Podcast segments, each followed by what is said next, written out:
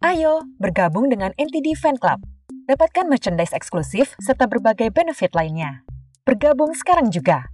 Hubungi WhatsApp 0813 8080 2513. Anda sedang mendengarkan podcast NTD Kehidupan. Selamat mendengarkan. Terbentuknya langit dan bumi. Dahulu di waktu sangat lampau, bukan di dunia sebelum dimulainya waktu, namun di waktu sebelum dimulainya dunia, tidak ada apa pun di alam semesta ini kecuali satu entitas berbentuk telur yang maha besar. Di dalam telur tersebut, kekuatan yang berlawanan dari yin dan yang bercampur aduk, sungguh sesuatu yang kacau. Namun seiring berjalannya waktu, interaksi serta energi di antara bermacam substansi tersebut perlahan-lahan membentuk sebuah makhluk. Seorang raksasa yang berbulu dan bertanduk bernama Pangku. Selama 18.000 tahun Pangku tidur dan bertumbuh. Suatu hari, tiba-tiba dia terbangun. Dia membuka matanya, namun hanya dapat melihat kegelapan total. Dia menajamkan telinganya, namun tidak dapat mendengar apa pun. Pangku menemukan keadaan di sekelilingnya yang suram, sangat mengganggu. Telur yang luar biasa. Di tengah kebingungan, Pangku lalu menyulap keluar sebuah kapak dan mengayunkannya ke arah telur tadi. Telur itu terbelah menjadi dua bagian dengan suara yang menggelegar.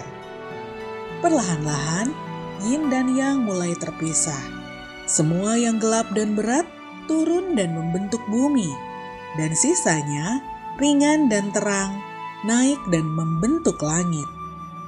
Namun Pangku merasa cemas kalau-kalau kedua bagian itu akan menyatu lagi, jadi dia berdiri di antara keduanya supaya mereka terus terpisah. Dengan berlalunya waktu, langit naik sejauh 10 kaki di atas dirinya. Bumi menebal sejauh 10 kaki di bawahnya. Dan Pangku sendiri tumbuh setinggi 10 kaki untuk mengikuti jarak pisahan yang semakin bertambah dan untuk dapat tetap menahan kedua bagian tersebut. Itu adalah pekerjaan yang lengang dan berat. Kerja keras ini bertahan dilakukan sang raksasa selama 6.570.000 tahun atau 18.000 tahun lagi sampai dia yakin bahwa kedua alam tersebut akhirnya stabil. Dan dengan sebuah tumbukan keras, Pangku membaringkan diri dan mati. Sebuah pengorbanan terakhir. Ketika pangku yang lelah terjatuh, sebuah perubahan ajaib terjadi.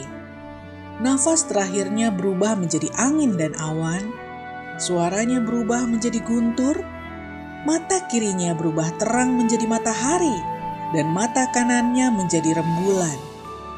Rambut dan janggutnya berubah menjadi bintang-bintang di Bima Sakti, Anggota badan, kedua tangan, dan kakinya berubah menjadi gunung-gunung besar dan darah yang mengalir di pembuluh darahnya berubah menjadi aliran sungai.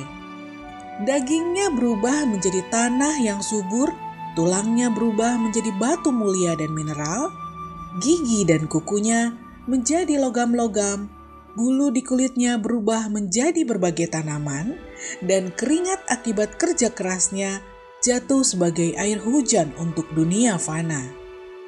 Ada yang berkata bahwa roh pangku tidak pernah mati, namun berubah menjadi manusia. Kemudian cerita ini menjadi kepercayaan orang Tiongkok kuno bahwa manusia adalah jiwa dari segala materi. Pangku mengorbankan hidupnya untuk menciptakan dunia dan mengorbankan tubuhnya untuk memperkaya serta mempercantik dunia ini. Sekarang langit dihiasi oleh badan langit yang bermandikan cahaya, bumi dipenuhi oleh gunung-gunung dan sungai-sungai besar, serta flora dan fauna yang beragam.